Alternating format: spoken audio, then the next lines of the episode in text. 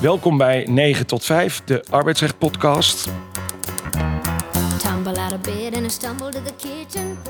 Het is vandaag 18 oktober 2023. Eh, wij zijn vandaag in Amsterdam voor de opnames. Naast mij zitten Michiel de Jager en Ronald Beltzer.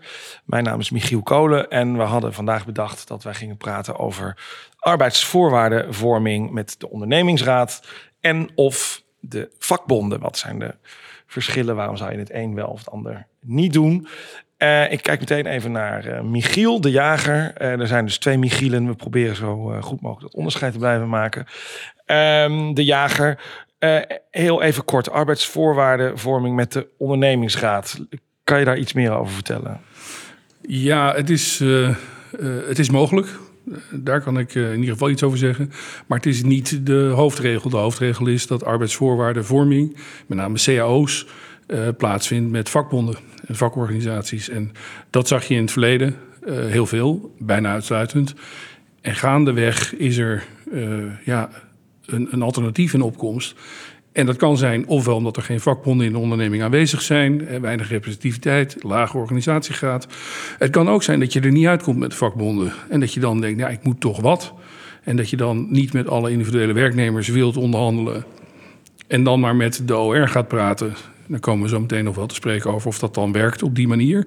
Maar dat is wat je ziet in, eh, ja, in de laatste jaren. Toch wel een trend misschien wel. Ja, en recentelijk is er nog een uitspraak over gewezen. Ja, daar komen we zo komen op. we- Even, even voor de luisteraar ook. Eh, Kan je met de ondernemingsraad een CAO sluiten? Nee. Waarom niet? Nou ja, tenzij de ondernemingsraad een vakbond heeft opgericht. En die sluit dan de CO met de werkgever. IKEA gedaan hè? Ja. in de jaren negentig. Ja, Ja. dan kan het wel. Had ik nog even snel gevonden voor deze uitzending. Ja, maar dat is wel eigenlijk een uitzondering die de regel bevestigt. Namelijk, het is afspraken met de ondernemingsraad hebben niet de status van een CAO. Eh, Nee, want een ondernemingsraad is natuurlijk geen rechtspersoon. En heeft ook geen bevoegdheid om als zodanig een overeenkomst te sluiten. En om de werknemers in de onderneming te binden. Maar heeft het dan wel meerwaarde om, een- om die afspraken te maken? Eh, ja, want je hebt een document waarnaar je kunt verwijzen met algemene regels voor iedereen. Eh, en als een werknemer vindt dat hij daar niet aan gebonden is, dan zal hij toch aan de rechter moeten uitleggen waarom dat is.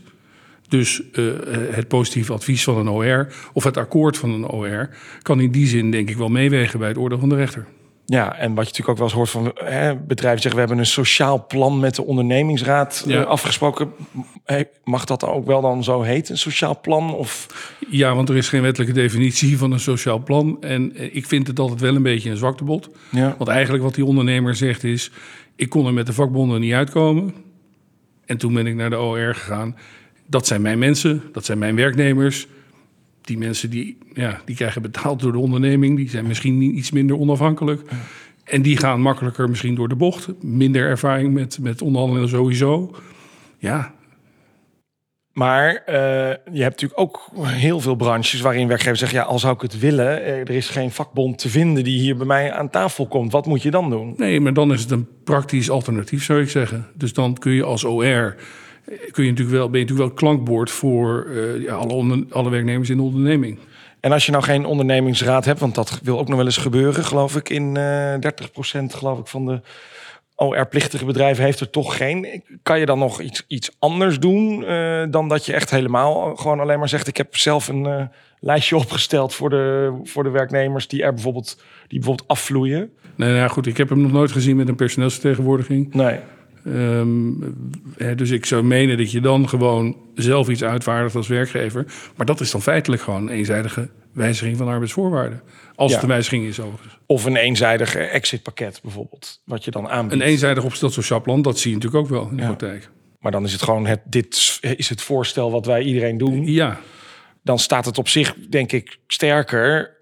Ondanks die wankele basis. Als je zegt, wij hebben dit met de ondernemingsraad afgesproken. Dat is ietsje sterker. En als je dan één trapje hoger gaat weer in het beschermingsniveau, namelijk naar de, naar de vakbond, ja, dan heb je weer de kracht van CAO. Tenminste, als je het sociaal plan aanmeldt. Die Ja. OR heeft ook vaak een advies gegeven ten aanzien van zo'n reorganisatie. Hè, Die vaak tot een sociaal plan leidt. Dus die OR is toch al betrokken. Dus dat kan dan ook een belangrijke basis zijn. Of geval een opstap voor wat er vervolgens uit het sociaal plan komt. Dus die OR is dan wel gekend. Ja, en, en wat je natuurlijk in de praktijk heel vaak ziet is... we doen nu net of de OR en de vakbonden grote vijanden van elkaar zijn... of elkaars concurrenten zijn. Ja, en soms is dat ook wel zo, maar in de meeste gevallen werken ze natuurlijk nauw samen. En zullen de ondernemingsraadleden hun oor ook wel echt wel te luisteren leggen bij eh, de vakorganisaties. Ze zijn ook vakbondslid in het algemeen. Heel vaak. Ja. Ja, behalve dan natuurlijk weer in die sectoren waar er, eh, ja, waar er minder leden eh, onder de populatie zitten. Eens, maar, maar zelfs, zelfs daar, eh, eh, voordat de OR advies gaat eh, geven over een voorgenomen besluit, ja, kunnen ze natuurlijk gewoon advies inwinnen bij een vakbond. Dus zeker als je daar lid bent. En soms wordt het aan elkaar gekoppeld. Hè, van ik geef u positief advies, mits u er met de vakbond uitkomt op het sociaal plan. Ja, want dat is misschien een aardig zijpaadje. Dat zie ik nog wel eens in de praktijk. Dat je dan een ondernemingsraad hebt die zegt... ja, wij gaan eerst wachten wat de vakbond hier Ja, vindt. En dat- voor die tijd gaan we niet Vind ik, adviseren. niet- vind ik niet juist. Het is een voorgenomen besluit. Hè? Een- OR komt al in beeld bij een voorgenomen besluit Ja. dat nog niet geconcretiseerd is eh, per se, niet uitgewerkt. En om dan alvast de vakbond erbij betrekken die eigenlijk gaat praten over de voorwaarden van, nou, laten we zeggen, een collectief ontslag. Ehm, ja, dat, dat is dan eigenlijk te vroeg. Ehm die OR heeft ook een geheimhoudingsplicht. Dus ik vind dat nog wel moeizaam als wordt gezegd door een OR... ik wil eerst weten wat de vakbond ervan vindt. Volgens mij heeft de wetgever dat niet zo bedoeld. Maar in veel een staat het wel. In veel CAO's staat zo'n bepaling. Hè, dat als je een reorganisatie voornemens bent, Ja, dat klopt. Dan je moet moet de eigenlijk ook beide informeren. borden tegelijk schaken, toch? Want die OR wil voordat eh, hij zijn advies geeft... toch wel wat grip hebben, denk ik, op van wat wordt het exitpakket. Ja. Dus die gaan echt wel, denk ik, wat ik zelf ook wel meemaak... wachten of kijken naar, oké, wat gaan die bonden doen? Want als die zeggen eh, transitievergoeding eh, en, en verder niks vinden wij wel oké... Nou ja, je hebt natuurlijk een heleboel. Kijk, als je een voorgenomen besluit hebt en je hebt een adviesaanvraag ingediend bij de OR, dan heb je ook al nagedacht over de sociale gevolgen Precies. van de voorgenomen reorganisatie. Maar daar moet je dan nog die bonden bij hebben gehaald. nou ja, de werkgever kan natuurlijk een idee over hebben en iets opschrijven, Hoeft niet, hè? maar dat hoeft helemaal niet. Nee. Het kan nog te vroeg zijn. Ja, oké, maar als je weet dat de bonden actief zijn in, in de business... Het komt heel veel voor wat jij zegt. En eh, het staat inderdaad, zoals eh eh, andere Michiel zegt, eh, terecht zegt... eh, ook voor dat het in CAO staat. Hè, dat je dan met elkaar aan de tafel moet. En als alle partijen dat prima vinden, bonden, OR en ondernemer... is er natuurlijk niks op tegen om met z'n drieën tegelijkertijd daarover te praten. En, en, we hebben ook een recente uitspraak die we eh, met jou ook, Ronald, eh, nog wat dieper gaan, op in gaan zoomen. Maar ehm, er zijn ook bekende partijen eh, in Nederland, eh, in de eh, retail- en supermarktbranche, die dit al eh, een tijd doen. Hè? De, de bonden, al dan niet bewust, laten we ons daar niet aan Buiten spel de buiten de deur houden en zeggen wij maken al onze afspraken met de ondernemingsraad. Ja, Jumbo en Action. eh, Bijvoorbeeld, ja, de vraag is of je dat zomaar kan natuurlijk. Hè. Je hebt jaren met een bond om de tafel gezeten. En dan is de vraag, kun je die eh, zomaar uitsluiten ineens en En, eh, zeggen... voortaan de OR. En eh, je werpt de vraag op, eh beantwoord hem eens. Nou ja, kijk, ehm, er is wel wat rechtspraak over natuurlijk. En ehm, je kunt in het algemeen als een bond jarenlang betrokken is geweest. En zeker als die ook representatief is. En dan moet je denken eigenlijk al vaak aan een paar procent. Hè. Vijf procent is vaak al... Ja, 5% leden onder de ja, populatie. precies, hè? onder de Even populatie. Nou. Dat, dat kun je, eh. dat kun je heel, heel vaak haal je dat niet, maar in sommige Nee. branches haal je dat met gemak. Ja, dan kun je in ieder geval niet zomaar aan de kant gezet worden. Dus een ondernemer die zegt, nou ik heb twintig jaar met FNV en CNV gepraat en nu eh, nodig ik ze niet eens uit. En het wordt gewoon een AVR, een arbeidsvoorwaardenregeling, met mijn OR. Ja, dat zal niet zomaar gaan. Dus bonden kunnen dan een plaats aan de tafel eh, afdwingen. Hoe? Nou ja, dat kunnen, ze, dat kunnen ze in kort geding vorderen. Ehm, maar ja, we hebben hier nog steeds iets als de contractsvrijheid. En ook de negatieve contractsvrijheid. Dat betekent, je kunt er ook voor kiezen niet een contract te sluiten. En een CO is natuurlijk gewoon een contract, een overeenkomst. Ja, dus als ik jou goed begrijp, je kan niet een CAO afdwingen via Nee. de rechter natuurlijk. Hè? Maar Nee. je, wat je kan afdwingen is dat van, ik, je moet mij toelaten aan de onderhandelingstafel. ja. Maar dan zeg je toch, hier is de koffie. We gaan even... eh, Daar is een eh, bastonjekoek. Daar is een bastonjekoek. Ja, die zijn al bijna op trouwens. En ja. eh, wat is het weer mooi buiten? En oh, jullie eisen, daar ben ik niet mee akkoord. Tot ziens. Dan ben je er Ja, toch? ik denk dat je het wel enige substantie moet geven. Want anders sta je misschien zo weer bij die rechter. Dat weet ik niet. Of je lokt direct een collectieve actie uit. Waar je misschien nog op Ja. hoopte dat die niet zou komen. Eh, maar inderdaad, eh, je, kunt er, je kunt er in vijf minuten uit zijn. Als er bijvoorbeeld, zoals we met die energiecrisis hadden. Inmiddels een jaar, anderhalf jaar geleden. Eh, als dan de bonden zeggen, we willen vol compenseren. En in de haven heeft men geloof ik een keer 17% geroepen of zoiets. Ja. En je zit daar als werkgever en zegt, nou bent u helemaal eh, gek geworden. Eh, en nou, dan, dan sluiten we hier bij de vergadering. En, eh, Maar want dat is natuurlijk nog wel... ja. Die OR van Jumbo, laten we dan toch maar even concreet worden. Die vindt het kennelijk wel best dat die bonden buiten de deur worden gehouden. Want die hadden toch ook kunnen zeggen... nou, wij willen dat jullie die bonden erbij betrekken. En anders gaan wij niet onderhandelen over een arbeidsvoorwaardenregeling. Ja, maar die krijgen er soms ook dingen voor terug. Je ziet dat natuurlijk niet altijd. Het kan een uitruil zijn van iets. En dat is juist de bedoeling om dat tegen te gaan. Dat is juist, zou ik zeggen, een pleidooi voor de onafhankelijkheid van de vakbond en de positie in die onderhandeling. Eh, om te voorkomen dat er iets van een uitruil plaatsvindt van... goh, jullie krijgen een paar procent meer salarisverhoging... maar dan moet je wel even snel een, een positief advies geven... of instemmen met deze AVR. Ja, want eh, misschien dat de argeloze luisteraar denkt... ja, wat maakt het uit? Eh, degene die de beste deal er voor de werknemers uithaalt... weet je, als een OR goed kan onderhandelen... eh, Ja, maar kan een OR goed onderhandelen? Ja, dat weet ik zal. Dat zal, ja, maar dat zal lang niet altijd zo zijn. waarom zou dat niet kunnen? Nou ja, kijk, een, kijk, een on- onderneming, een beursgenoteerde onderneming met een OR die uit 25 personen maximale aantal bestaat. Met OR-leden die niets anders doen dan de hele dag mee de die zijn OR-lid. Die zijn OR-lid. Die hebben geen functie meer, maar die zijn dat. Maar die kunnen dat dan toch? En die kunnen dat wel, maar bij de meeste ondernemingen zal dat niet zo zijn. En is gewoon iemand die is accountmanager of eh, ergens op de administratie eh, een functie. En die is daarbij ondernemingsraadlid en die heeft misschien één of twee cursussen gehad. En denk je dat overigens een rechter eh, dit betrekt, hè, als die moet oordelen over van, eh, eh, als een werknemer zegt, ik had mij niet gebonden aan deze regeling die met de OR is afgesproken, maar hij is bijvoorbeeld met de centrale ondernemingsrecht van Philips uit onderhandeld, dat een rechter zegt, nou, Nou, ik denk dat dat wel Deze uitmaakt. ik denk dat dat uitmaakt, ja. En, en trouwens, als je van de onderhandelingstafel wordt weggestuurd als vakbond... ik denk dat de reden waarom ook belangrijk is. Als jij vraagt om 17% prijscompensatie... dat een rechter eerder begrijpt dat je dat niet wil als werkgever... dan in het geval van Jumbo, waarin FNV zegt... wij willen juist meer op vaste contracten sturen. maar denk je dat de rechter iets vindt van een eh, inhoudelijke eis van een bond? Dat, dat Er vraag is, natuurlijk, er is natuurlijk een marginale toetsing, maar ik denk wel dat bij de vraag: is het redelijk? En de redelijkheidstoets zal plaatsvinden. Is het redelijk dat je stopt met onderhandelen? Is, of hè, is het redelijk dat je eh, een bond uitsluit? Ik denk dat, dat het eisenpakket dat die bond heeft, dat het daarbij een rol speelt. Daar is ook bewijs voor. Er zijn ook uitspraken waarin zelfs een rechter expliciet heeft gezegd, ondanks de terughoudende toetsing die er inderdaad is, eh, het ging nog maar om een kwart procent.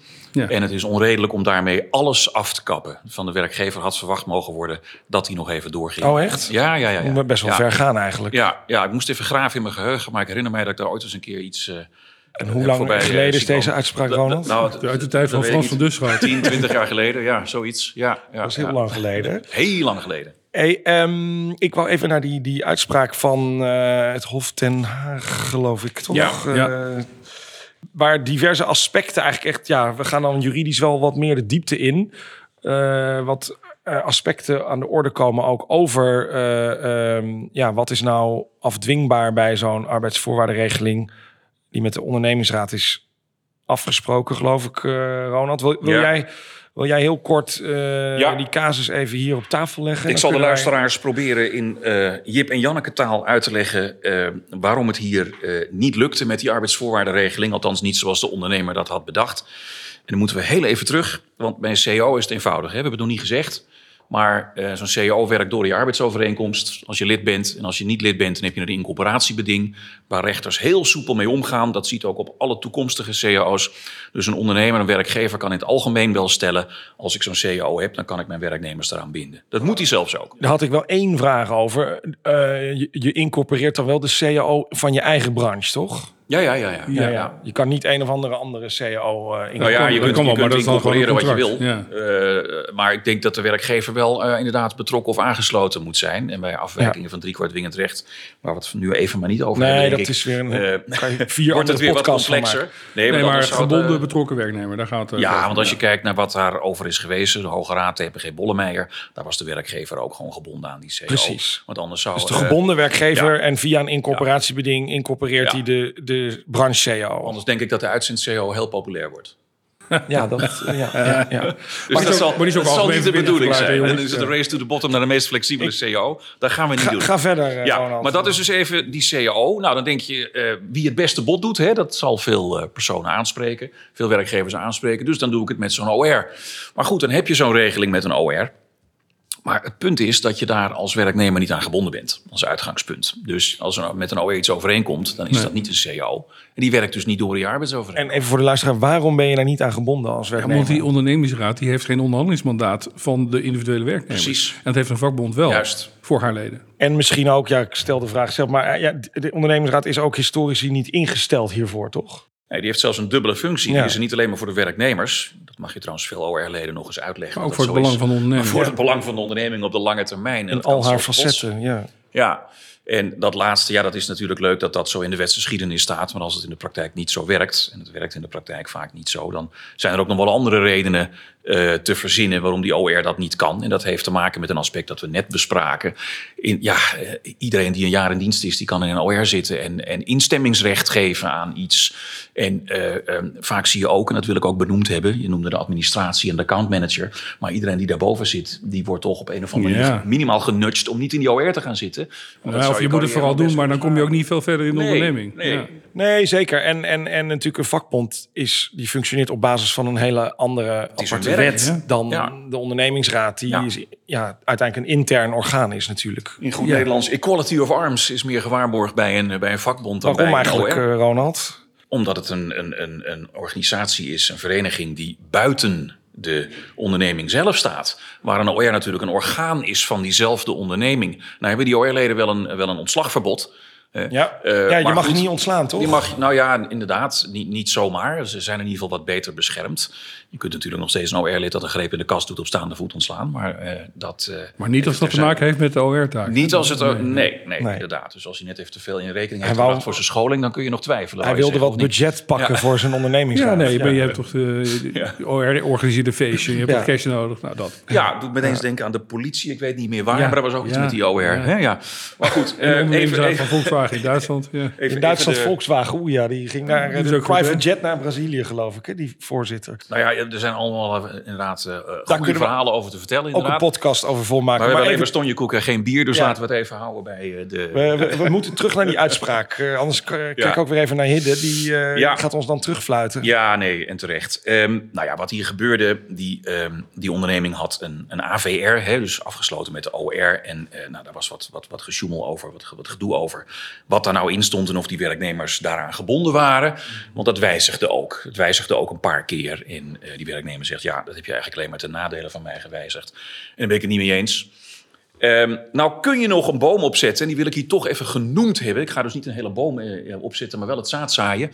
Ehm, je kunt natuurlijk een wijzigingsbeding opnemen in een arbeidsovereenkomst. Hè, waarbij je dus dan zegt, als de werkgever een zwaarwegend bedrijfsbelangen heeft, dan mag hij de arbeidsvoorwaarden wijzigen. Moet je vooral doen, zeker als je met een OR een AVR sluit. Want ja, je, je, je verzint wel eens wat nieuws. En als die OR daarmee akkoord is, is het toch prettig dat je dan tegen je personeel kan zeggen: daar ben jij ook aan gebonden. En ik heb een zwaarwegend belang en wel hierom. Bij een CAO hoeft dat niet, hè? dat weten we inmiddels.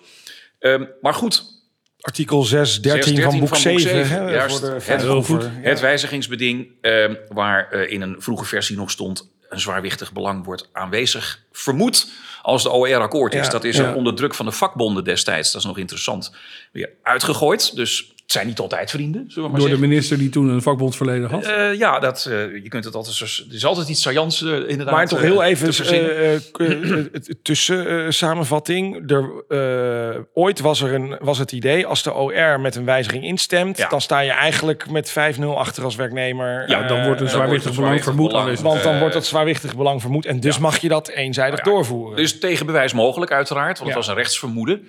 Ehm, maar ehm, ja, dat wordt dan natuurlijk wel heel erg lastig. Dat is nu niet zoals het is. Maar eh, blijft staan dat eh, vanuit die gedachte het nog steeds helpt... als je een afspraak met de OR hebt gemaakt. Zeker. Ja. Maar dan zou ik nog steeds ook dat wijzigingsbeding hebben. En dat was hier niet. Nee, precies. Dus Ja, dus dan dat zit je maakt in het lastig. stoofmammoet of zo. Nou ja, dat waren ze ook vergeten te doen. Dus wat dat betreft is deze zaak een voorbeeld van hoe het niet moet. Eh, ze gingen namelijk heel principieel zeggen... maar het valt niet onder 613, dus wij beroepen ons daar niet op. Ja, moet je afvragen waarom doe je Ja, dat? toen zei de, Er is geen beroep op jammer. 611. Dan blijft alleen 6248 over. En voor de juristen onder ons... Hoge natuurlijk een loodzware toets. Ja. En eh, nou ja, die, eh, eh, Die haalden ze niet. Die werd niet, die werd niet gehaald. Ehm, nee, dus want dat, wat heel, het ging over vakantiebijslag. Wat de ja, werkgever op nu... overwerk, op ploegentoeslag. Het ging dat, over vakantiebijslag op toeslagen. Ja, maar dat bonnetje liep wel op. eh, Ja, klopt. 3000 euro. Nou ja, nee, het- maar het dit was- moesten ze natuurlijk voor de hele populatie Nee, toepassen. Jawel, maar de loonsom was 40 miljoen, stelde het Hof Fijntjes vast. En dit ging om nog geen ton. Dus dat was een fractie. Nee, Dus, dus, de- en daar red je die financiële die argumenten van 248 eh niet. boe, eh, dit Nee. is zo duur. Daar red je het eigenlijk nooit mee in Nee. de 248 eh, maatstaf natuurlijk. Nee, hè? duur is sowieso geen argument. Ze zeiden nog, ons loon is vrij hoog, maar dat maakt allemaal niet uit. Dat is niet een zwaarwichtig bedrijfsbelang. Dus, Nee. Tenzij, je, tenzij je op. op omvallen staat, misschien. Ja, dat was bij V&D in de tijd zelfs niet eens. Nee, kijk wat daar is gebeurd. ja. Zit je met je Die riepen toeslag. dat ook, van we gaan Ja, ja. failliet. En Nee, toen zei die rechter, ja, nou ja, dat, is dat heel Dan is dat mag maar zo zijn. Maar dit is een recht, ja, contractueel recht van deze mensen. Ja, nou, dat gedoe heb je met een CEO in het algemeen niet. Al kan die natuurlijk wel nawerken, maar daar gaan we weer een andere podcast eh, over spreken. Maar eh, ja, dat, dat, dit, deze uitspraak, en daarom is hij zo aardig, hij is van vorige maand, die laat dus zien dat ja, wat je afspreekt met een OR, dat werkt niet door in die arbeidsovereenkomst. Dus als een werknemer het daar niet mee eens is, dan kan hij zeggen, ja, not for me. En als er een wijzigingsbeding is, en hier was dat toevallig niet zo, dan moet, is het nog steeds aan die werkgever Ronald, om dat is wel aardige, aardige vraag. bewijzen. Hoe zou dit zijn voor de werknemer die zelf in de OR zit? Nou, niet anders, denk ik. Ja, maar kan die dan nog zeggen wat die OR heeft besloten hier? Dat bindt mij niet. Dat denk ik wel. Ja hoor, want hij, heeft zit een hij- andere hij- hij- hij heeft Hij een- heeft een andere pet op. Ja, maar andere dat is wel heel schizofreen. Oh, ja, eh, dit lijkt me een heel goed idee. En dan pet Nou ja, ik vond dit ja. in het belang van de onderneming op de lange termijn. Nou, maar als werknemer enough. vind ik het Nee, niet. fair enough. Dus eh, die schizofrenie die is zelfs voorzien in de wetsgeschiedenis. Dus Maar, dit hij lijkt een beetje op wat je in de praktijk ook echt vaak ziet. Is dat eh, ondernemingsraadleden al stiekem voor zichzelf exitregelingen aan het onderhandelen zijn. Natuurlijk, het is eigen Die zijn even vergeten dat ze eh, advies wordt gevraagd. Misschien een extra reden om het dan niet te laten doorwerken in de arbeidsovereenkomsten van hun Nee, maar je, maar je, ziet het, je ziet het dan meestal in de ontslagbescherming. Dus als er dan gesneden moet worden, dan wordt het advies negatief. Als er gesneden wordt in de afdeling waar het OR-lid werkt. Ja. Maar dus dit, Maar dit, goed, dit voor eh, eh, deze werkgever, eh, ik bleek niet helemaal uit het arrest volgens mij welke hoek die opereerden, wat het voor club was. Maar daar liep het dus eh, niet goed eh voor af. Nee, nee die, die werkgever kreeg dat inderdaad niet rond en moest alsnog die toeslagen betalen over onder andere eh, de vakantietoeslag eh, over onder andere overwerk en ploegentoeslag. Ze hadden Ja. er steeds wat afgehaald. En En even hij was OR-lid, hè, trouwens. Dat is dus. Oh, was- ja, oh, dit was ja, hem. ja, Oh, ja, maar ja, ja. toch ook Ja. even. Nou, hij stand corrected. Dan is dus het, dan eh, zie je het meteen, ja. dan kun je jezelf niet eens binden Nee, als. OR-lid. Nee. Maar dit is dus een kaartenhuis wat in elkaar eh, stort. Want dit, als ik volgens mij eh, dit even bekijk, dit hebben ze jarenlang zo gedaan. Ging al die tijd goed. Iedereen dacht het zal wel of Nooit niet. getoetst, hè? Nooit getoetst. En dan is er één werknemer die gaat tot het hof. Eh, bij de kantonrechter had hij al gewonnen en eh, de werkgever ging in appel. ja. Ja. In appel wint die werknemer ook. Ja, en dit arrest ligt daar natuurlijk nu, eh, hangt daar aan het prikbord. Ja, en ze- iedereen zegt, Is we- mag ik even cassatie vangen? ingesteld? Ik weet niet of er cassatie is ingesteld, maar Jumbo heeft het denk ik wat beter geregeld. Eh, je kunt het natuurlijk wel zo regelen dat je met een OR, laten we zeggen, een heel eind komt. Hè? Ja. Eh, dan moet je een goede OR hebben. We hebben het al genoemd. Hè? Ja. Weet je, waar dus echt door de wol geverfde types zitten die er al jaren in zitten. Het liefst ook lid van een vakbond waarmee ze makkelijk even kunnen overleggen. Eh, je Helpt je- ook dat er goede afspraken liggen, denk je ik. Moet, je moet je 613 op orde hebben, hè, waar we het net over hebben. Dat was hier natuurlijk ook niet het geval. En er was toch wel eerlijk gezegd een wat zwalkend beleid... waarbij het met een pennenstreek steeds, meer, steeds werd afgenomen van de werknemers. Dat- Ja. Nee, en bijvoorbeeld als je een sociaal plan afspreekt met de ondernemingsraad, dan kan je als werknemer heel boos worden dat je vindt dat dat niet terecht is. Maar wat is het alternatief? Nou ja, kijk, in een sociaal plan staat ook vaak een hardheidsclausule. Hè? Dus, dus dan moet je als werknemer maar aantonen van... luister, ik, ik, eh, de- dit sociaal plan is voor mij bijzonder on- onredelijk. Maar, ja, dat klopt. Maar als die werkgever zegt, nou, eh, dat ben ik niet met je eens. En die zet dan, hè, wat, het vaak, wat je vaak ziet, die zet dan de ontslagvergunning eh, bij het UWV voort. En die krijgt die vergunning. Dan rekent hij af en betaalt hij alleen de transitievergoeding. Ja, Dus maar dan ga je er is eigenlijk niet een kantonrechter. Ja, maar eh, dan moet je dus Want- een billijke vergoeding weten te los te peuteren bij de kantonrechter. En zou de kantonrechter het ernstig verwijtbaar vinden als je bijvoorbeeld vakbonden gepasseerd hebt? Nee, maar wacht even, even, even Ik terug. zit Je nu hebt wel heel over- even te freewheelen, maar in een, in een exit sociaal situatie. plan. En een sociaal plan bevat natuurlijk meer dan een transitievergoeding. Ja, maar, soms heb maar je heel geen- weinig meer. Anders heb je geen reden om een transitie, om, om een sociaal plan te sluiten. Daar zitten natuurlijk allerlei extra's in, zoals je mag solliciteren onder werktijd. We hebben een budget voor dit. Je, mag naar, je mag naar het herplaatsingscentrum. En Mobiliteitsperiode. Nou ja, dat soort toestanden. Dus Klopt, maar als je dat niet genoeg vindt als werknemer en dan zeg je ja, ik acht mij niet Ja. aan dit sociaal plan gebonden, want het is met een, eh, met een OR eh, Ja. afgesloten die zo tam is als een eend. Maar ja, dan moet je natuurlijk meer, eh, dan moet je iets, inderdaad, dan kom je uit op die billijke vergoeding. Ja, en dat ga je niet redden. En dat ga je niet redden. Nee. Dus in de praktijk zal zo met een OR afgesproken sociaal plan toch dat werkt dus in de praktijk. meer opleveren Ja. dan eh, dat je daar uh, Nou ja, tegen en verzet. niet bij, eh, niet, niet bij het Hof Den Haag. Nee, maar dat was geen sociaal plan natuurlijk. Nee, sure. Maar, dat gaat echt over de normale, ja, eigenlijk de, Maar wat- de, hoe is de vervanging van de CAO, hè, dat was hier het doel. Ja, maar een arbeidsvoorwaardenregeling of een sociaal plan, dat is allebei een set met ja, arbeidsvoorwaarden of afspraken die je maakt met een OR. Ik eh, word ook aangekeken door eh, de, de, de echte moderator die eh, hier aan tafel zit. We zijn een beetje aan het einde gekomen van deze aflevering, die wel aardig wat onderwerpen heeft aangestipt volgens mij. De een wat langer dan de ander. Nog final thoughts, heren Ronald, Michiel? Do's en don'ts. Wat moet je nou als je het met die OR, hebt het eigenlijk al gezegd, maar als je met die OR afspraken wil maken, wat is dan slim om te doen en waar moet je echt van wegblijven? Ik denk dat je, gewoon, dat je het gewoon redelijk moet houden. Als je motieven niet zuiver zijn om met een OR te gaan onderhandelen in plaats van een vakbond, dan weet ik niet of dat het pad is wat je moet, eh, moet kiezen. En dan kun je natuurlijk problemen verwachten. Terwijl, ja, als je geen alternatief hebt, dan is het misschien eh, ja, het beste van twee kwaden. Beste van twee kwaden. Ronald, nog iets? Nou ja, het zijn een beetje golfbewegingen. Ik hoop dat, eh, dat er wat minder, eh, wat minder tegenstellingen ontstaan tussen de sociale partners, zoals we die laatste paar jaar hebben gezien. Zodat er ook weer gewoon fatsoenlijke cao's worden gesloten. Want dat lijkt mij gewoon nog steeds de koninklijke weg. Het eh, beste van twee kwaden in de Koninklijke Weg. Laten we daarmee afsluiten. Eh, dit was eh, vanuit Amsterdam podcast 41. Kijk op onze website 9 tot 5 podcast.nl voor bronnen bij deze aflevering. En natuurlijk de eerdere podcasts. Bedankt voor het luisteren en tot een volgende podcast.